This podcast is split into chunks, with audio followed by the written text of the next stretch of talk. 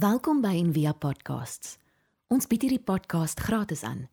Om 'n bydrae te maak, besoek gerus ons webblad en via.org.za vir meer inligting. Ons praat op die oomblik oor geloof en hoe werk hierdie reis met God? Jy hoor baie keer die woorde ek het tot geloof gekom of ek het geloof gevind wat jou die gevoel gee dat dit 'n bestemming is en nie 'n reis nie. Wat wat verkeerd is. Ons pad met God is hierdie twee woorde: volg my. Nou moet ons sê maar waarna toe? As ons sê dis 'n reis, dan dink ek Paulus sal antwoord na 'n volwasse man of vrou in die Here. Ons ken al 1 Korintiërs 13 wat sê toe ek 'n kind was gedink, geredeneer, geglo soos ek nou dat ek 'n man is. So op die oomblik in die boekklub behandel ons Brian McLaren se boek um Faith of the Doubt. En dit is 'n verskriklike mooi stuk wat hy die reis beskryf. En hy kyk na hoe die ou kerkvaders gedink het daaraan. Dit gesê maar hoorie, dis dalk soos 'n leer want jy gaan hiernatoe en dan gaan jy hiernatoe en dan gaan jy hiernatoe. En dan vergelyk hy dit ook met die opvoedkunde met die sielkunde met wêreldbeskouings wat navorsing gedoen het en sien het maar daar's gedurig deur groei en ontwikkeling en die parallel het baie te doen ook met die geloofsreis. Dis maar wat Paulus doen as hy ons menslike ontwikkeling vergelyk met 'n geloofsreis. En ek dink as Jesus hieroor praat dan as hy ons uitnooi na die reis toe dan sê want as jy nie soos 'n kind word dan kan jy nie in die koninkryk van God ingaan nie. So ons begin as 'n kind en ons sluit eerder weer af as 'n kind. So ons praat op die oomblik oor vier belangrike fases van groei. So terloops in die kerk het altyd gedink in 3 en dit het al hier 400 jaar na Christus begin In die middeleeue het meester Eckhart sê maar daar's vier belangrike plekke wat jy moet stop. So hier's die vier woorde. Ons reis begin met eenvoud en Frida het verlede Sondag daaroor of daarmee afgeskop. En dan as jy lank genoeg daar's en sy het ook genoem dat dit is soos die Ou Testament, die eerste klomp boeke van die Bybel is die wet, dis baie maklik, wit en swart. Hier staan dit.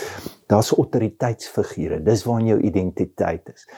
Maar dan kry die profete en vandag praat ons oor hierdie gedeelte van geloof wat jy bevraagteken. Profete is bietjie alleen. Profete almal dink hulle is weird. Ehm um, profete het hulle eie stem, soek hulle eie oortuigings. En dit voel soms soos 'n verstrengeling. En as jy daar is, dan vat jou geloof jou baie keer na baie donker nagte want God wil jou suiwer. God wil jou op 'n plek hê wat jou geloof soos wat Petrus sê deur die smeltkroes. Hy gebruik die beeld van goud wat geraffineer word, wat gebrand word, wat skoon word. En om daar te kan doen is baie keer die weggee en die verlies van alles wat jy glo om met God te kan wees. En Meester Eckhart het so gesê, God rid me of God, sodat net God, my idees oor God, wil U my nie bevry van dit sodat ek net by God kan wees. En dit gee geboorte in die laaste fase en dit is heelheid. So kom ons skop af vandag en begin ons met Elia en ek wil die volgende 3 weke oor Elia praat. Nou kyk hoe begin dit. Verskriklik eenvoudig. So, Israel is in die moeilikheid. Daar's koning Agab en Isebel. Hulle voer die Baal godsdienste in en Israel is afvallig. Elia sê dis nie reg nie en hy gaan na Agab toe en hy sê: "So waar as die Here leef, die God van Israel leef, vir wie se aangesig ek staan, daar sal geen dou of reën op hierdie aarde wees nie, behalwe op my woord." So nie, jy kan nou net dink Hierdie mannetjie, so hy was 'n kassiet, hy was baie harig, hy staan nie met sy kameelvel en hy sê vir die magtigste man en seker die gevaarlikste vrou wat daar is. Wil ek net vir julle sê op my woord, is niks meer hier nie en dinge gaan nie vir julle goed uitwerk nie en dan gebeur dit. Want geloof is baie eenvoudig, wit en swart is net so ek sê en dan gaan die storie aan, dan weet ons nou dit reën nie. En dan soek Agab hom, dan kry Agab hom. En dan sê hy 1 Konings 18:17. En toe Agab Elia sien vra Agab vir hom: "Is dit jy, jou beroerder van Israel?" Kyk en hy skrik vir niks nie. Hy skrik vir niks nie. Elia stuur hom nie eens aan hom. Hy draai na die volk toe. Nou Elia het nader gekom na die hele volk en sê: "Hoe lank dink julle op twee gedagtes? As die Here God is, volg hom na. As dit Baal is en as Baal dit is, volg hom na." Maar die volk het niks geantwoord nie. Kan jy sien hier's is nog vreeslik eenvoudig. Hy voel niks nie, maar jy sien dat die volk al klaar in 'n verstrengeling is. Hulle voel ek gaan nie ek sê eerder niks nie. Hierdie ou is nie lekker nie. En dan gaan Elia self soen toe. Ons weet nou wat gebeur het op die berg. Die Here gee die oorwinning. Maar Isebel skryf vir hom 'n briefie en hy kry die briefie in 1 Korint 1 Konings 9 vers 3 sê Elia bang geword en ter wille van sy lewe gevlug. Kan dit wees dat iemand wat wonderwerke doen, kan dit wees dat iemand wat so in God glo wegvlug en in die diepste krisis van geloof in sy lewe beland. Ja. Dis wat verstrengeling aan jou doen. So, kom ons sê net drie goed wat belangrik is as jy na hierdie geloofsfase in jou lewe gaan. In die eerste plek, verstrengeling beteken bloot die herbesoek van jou geloof, nie die verwerping van jou geloof nie. Beteken bloot dat ek kry my eie stem. Ek eet nie meer alles vir soetkoek op nie. Jy onthou mos toe jou kind klein was, toe ek het, "Maar hoekom? Hoekom?" Dis presies wat jy moet vra. En jy kom agter goed is nie so eenvoudig soos wat jy gedink het. Dis ook nie wit en swart nie. As jy die woorde gehoor het, jy jy moet net hard werk, jy kan enige iets doen. Word net ouer, dan kom jy agter maar jy werk hard, jy kan nie enige iets doen nie. Of ek is tot alles in staat deur Christus wat my die krag gee. Jy is nie. Ek sal nooit 'n CA kan word nie. Al help die Here my. Ek het nie daai gawe nie.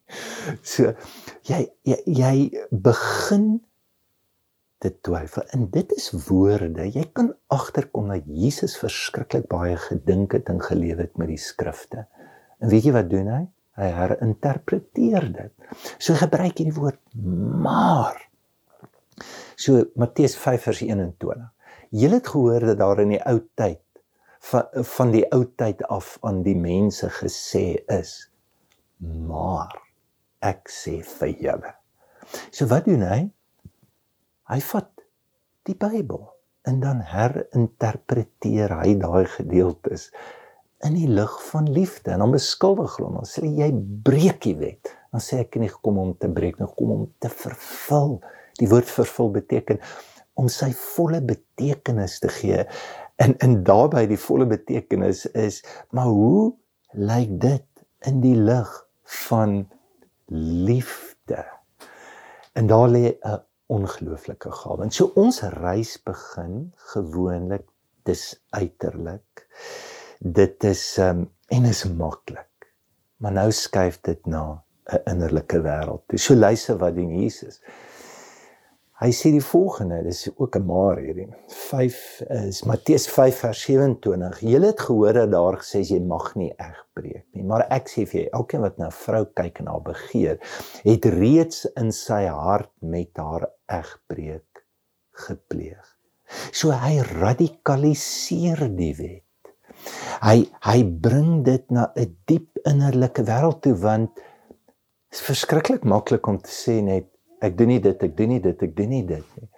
God vra ander vraag is hoe lyk jou innerlike lewe? Wat motiveer jou? Wat is die verlangens? Wat is die begeertes?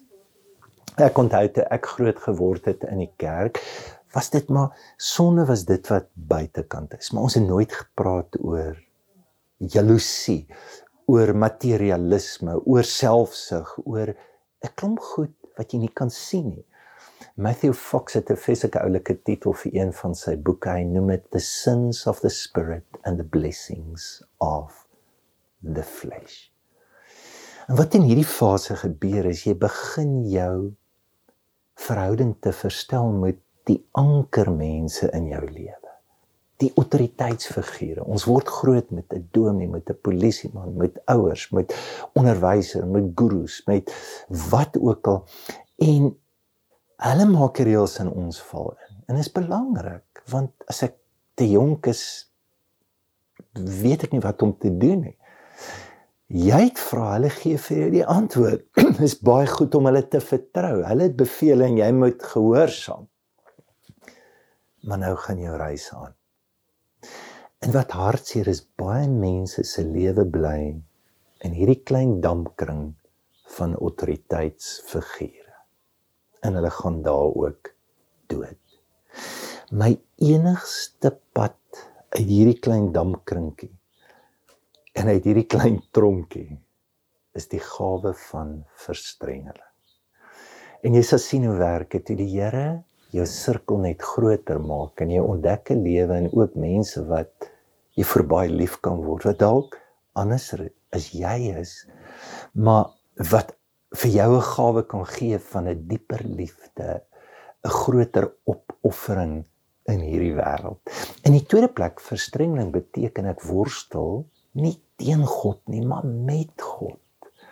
Dis immers die Here wat sê in Jesaja, ek gaan vir die Engels lees, um, Jesaja 1 vers 18 sê, "Come now and let us reason together."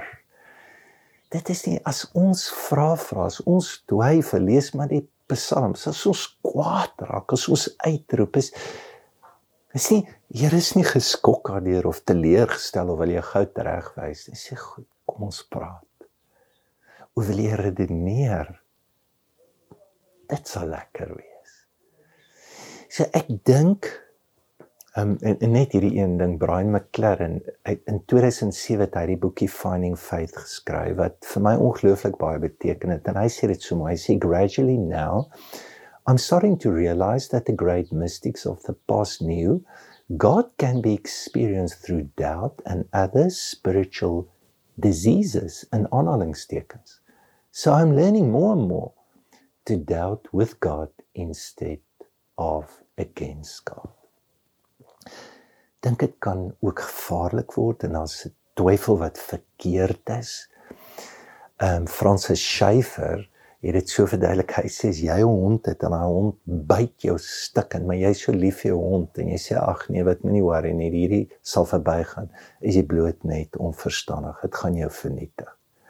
'n Hond is eerder 'n alarm.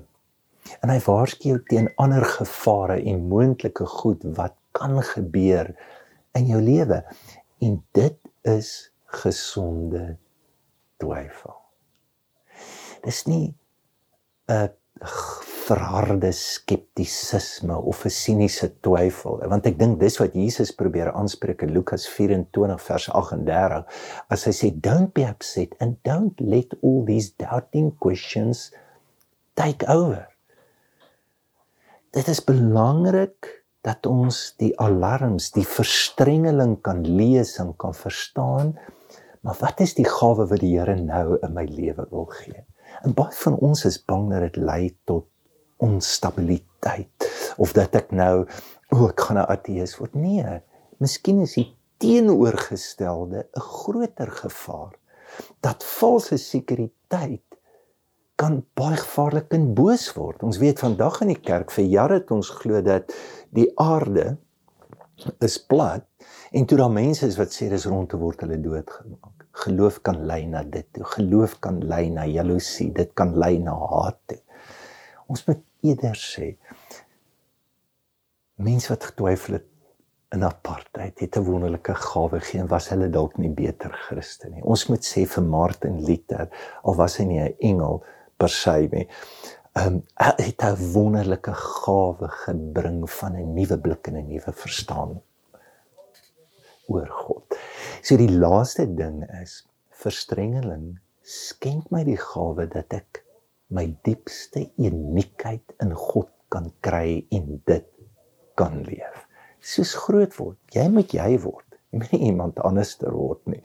Jung sê sê dis belangrik dat jy 'n individu word, individuasie. Dit is verskriklik belangrik. So hoe sluit die Jesus verhaal af? Is baie mooi. Matteus 28:17 en toe hulle hom sien, het hulle hom aanbid alhoewel party getwyfel het. So daar's nou twee groepe. As wat aanbid en as wat twyfel. En ons sal dit net die goeie en die slegte groepie noem. Ons sal dit die oor die afvalliges, die kritiese, hulle kritiese gees en hier's die ware aanbidde. Nee, ek dink nie is dit nie. Jesus bestraf hulle nie of probeer nie red nie. Dis net sy disippels wat erken hulle is op verskillende geloofsgawes en fases van hulle lewe, ekskuus. En dat die groot groot raad en gawe is geldend vir beide. En wat is dit? Hy gee hulle 'n groot opdrag en dan sê ek by julle. Die geloofsreis gaan om te leer hoe is ek by God. En God kan by jou wees deur 'n autoriteitsfiguur en God kan by jou wees deur kultuur, deur lekker te sing of iets waarvan jy hou en God kan by jou wees soos Elia deur 'n wonderwerk. Maar die pad vat jou dat jy kom op 'n plek waar dit nie meer nodig is nie, wat jou geloof baie dieper is. Dat dit God self is. En daar's gevaar baie keer wanneer ons in verstrengeling instap, vat ons 'n kort pad. Ons vind gou weer iets Ons kry 'n nuwe doom nie, 'n funky doom nie. Ons verander ons kerk. Ons jy doen nie die werk nie. Dis net 'n ander manier, is nuwe woorde wat jy kry vir dieselfde ou ding. En jy hak vas in daai fase. En dit is tragies. Dink maar aan mense, baie ouer mense voel in ons land na ons demokratiese verkiesing ek's verneek, ek is bedrieg, ons is kwaad vir die kerk. Ja, dis seker die waarheid, maar die ander waarheid is moet jy nie jou eie stem kry nie. Moes jy nie as jy 'n profeet was, sou jy anderster gepraat het en gekyk het. Mag jy voel hoe die Here jou vat om jou geloof te herbesoek en mag jy daar met die engel sit soos met Jakob en nie los nie.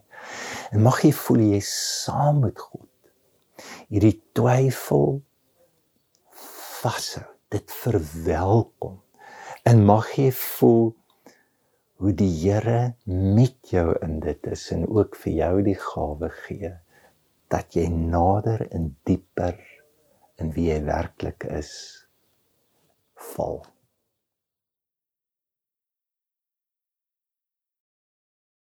Ons hoop van harte jy het hierdie podcast geniet of raadsaam gevind. Besoek gerus en via.ok.za vir meer inligting.